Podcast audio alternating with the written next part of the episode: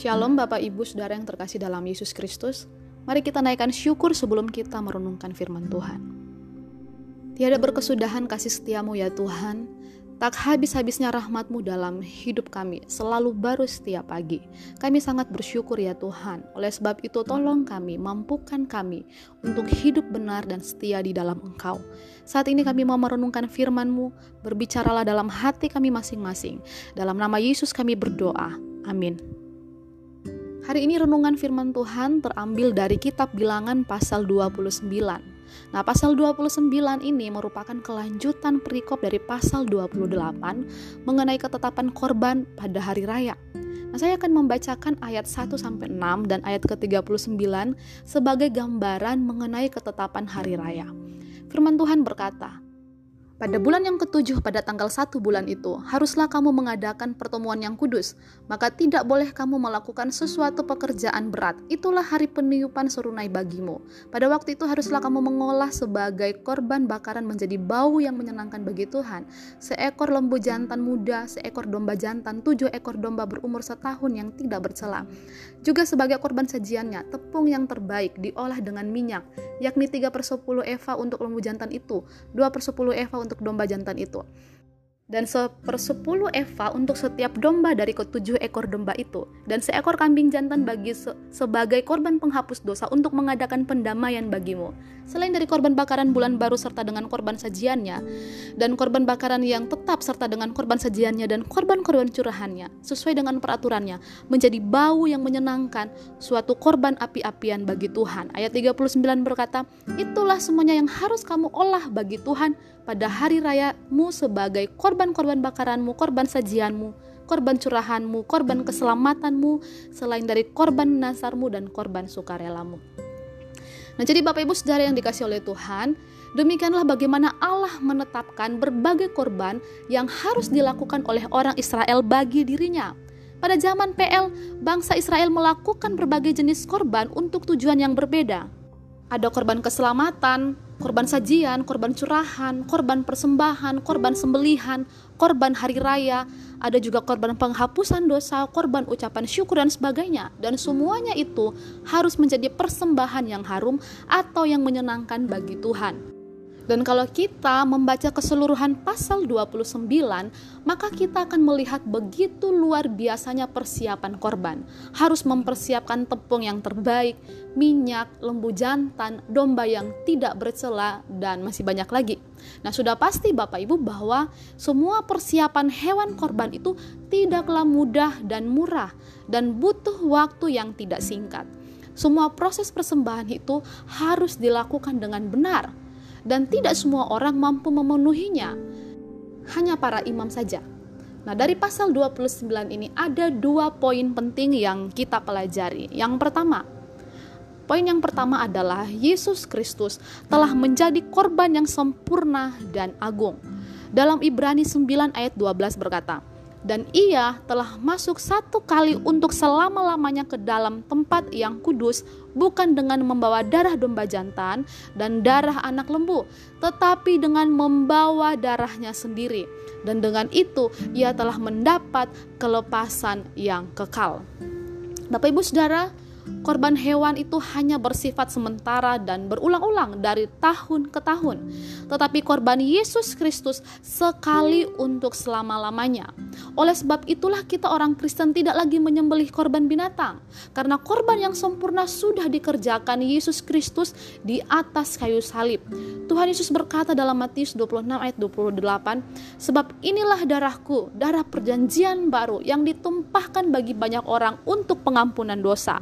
Pengorbanan Yesus telah mendamaikan kita dengan Allah dan telah membuka jalan baru bagi kita agar bisa datang langsung menghadap tahta Allah yang kudus.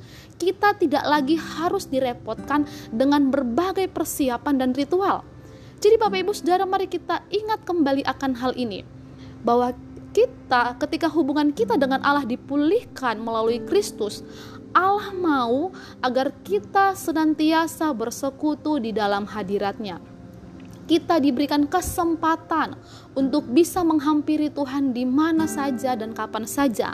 Dan jalan baru ini dibuka agar kita selalu terhubung dengan Tuhan Sang Pencipta kita. Kemudian poin yang kedua yang penting dari pasal 29 ini adalah berikanlah persembahan yang berkenan kepada Tuhan.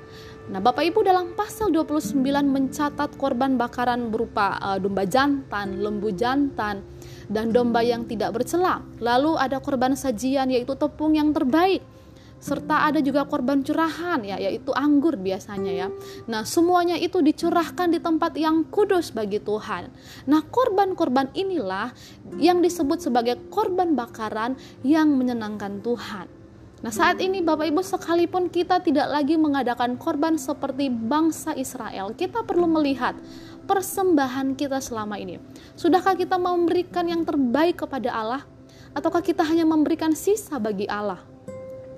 Bapak Ibu yang terkasih dalam Tuhan, korban persembahan yang menyenangkan hati Tuhan ialah persembahan yang hidup, yang kudus, Roma 12 ayat 1 berkata, Karena itu saudara-saudara, demi kemurahan Allah aku menasihatkan kamu supaya kamu mempersembahkan tubuhmu sebagai persembahan yang hidup, yang kudus, dan yang berkenan kepada Allah. Itu adalah ibadahmu yang sejati. Nah, saat itu Bapak Ibu Saudara, persembahan korban selalu uh, berkaitan dengan pembunuhan hewan. Nah, tetapi karena Kristus sudah menjadi korban sempurna bagi manusia, itulah sebabnya persembahan yang kita persembahkan adalah persembahan yang hidup dan bukan yang mati. Jadi kita harus mempersembahkan tubuh kita kepada Allah seperti yang tercatat dalam 2 Korintus 5:15. Kita tidak lagi hidup untuk diri sendiri, tetapi untuk Dia yang telah mati untuk kita dan telah dibangkitkan kembali. Jadi persembahkanlah persembahan yang kudus Bapak Ibu Saudara sekalian. Persembahkanlah hidup kita, persembahkanlah tubuh kita. 1 Petrus 1 ayat 13 sampai 16 berkata, "Sebab itu, siapkanlah akal budimu, waspadalah dan letakkanlah pengharapanmu seluruhnya atas kasih karunia yang dianugerahkan kepadamu pada waktu penyataan Yesus Kristus." Hiduplah sebagai anak-anak yang taat dan jangan turuti hawa nafsu yang menguasai kamu pada waktu kebodohanmu. Tetapi hendaklah kamu menjadi kudus di dalam seluruh hidupmu sama seperti dia yang kudus yang telah memanggil kamu sebab ada tertulis kuduslah kamu sebab aku kudus. Ibrani 12 ayat 14b berkata, Kejarlah kekudusan, sebab tanpa kekudusan tidak seorang pun akan melihat Tuhan. Nah, jadi Bapak Ibu Saudara, mari kita menyadari bahwa hidup kita ini adalah milik Tuhan. Tubuh, hati, dan pikiran kita biarlah selalu berkenan di hadapan Tuhan. Jaga diri kita dari segala tipu daya iblis, dari segala hawa nafsu dunia, dan dari segala kebodohan dunia ini. Nah, sebagaimana dalam PL, Allah menghendaki korban domba yang tak bercelah dan kemudian meminta tepung yang terbaik. Demikian juga dalam diri kita. Tuhan mau kita senantiasa memberikan yang terbaik kepada Tuhan. Menjaga kekudusan hidup kita untuk hormat dan kemuliaan bagi namanya. Bapak Ibu Saudara kalau kita masih selalu tergoda dalam kebodohan dunia ini. Nah inilah saatnya kita datang menghampiri tahtanya. Mengangkat tangan kita dan berkata Tuhan Tolong saya agar saya menjaga, bisa menjaga hidup saya untuk tetap benar di hadapan Tuhan. Sehingga hidupku menjadi persembahan yang hidup, yang kudus, dan yang berkenan kepadamu. Mampukan saya ketika saya mau hidup jujur di hadapanmu, ketika saya mau hidup jujur bekerja di dunia ini.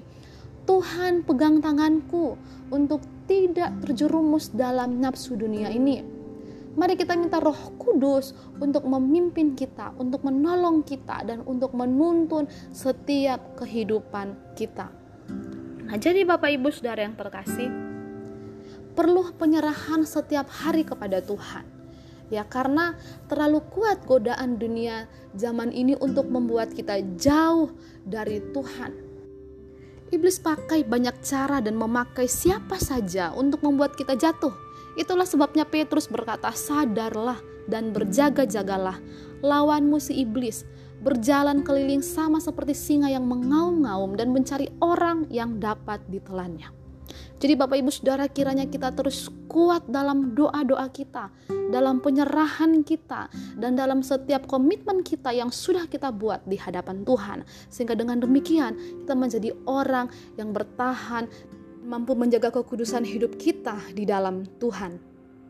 Demikian renungan firman Tuhan pada hari ini. Tuhan Yesus memberkati. Shalom.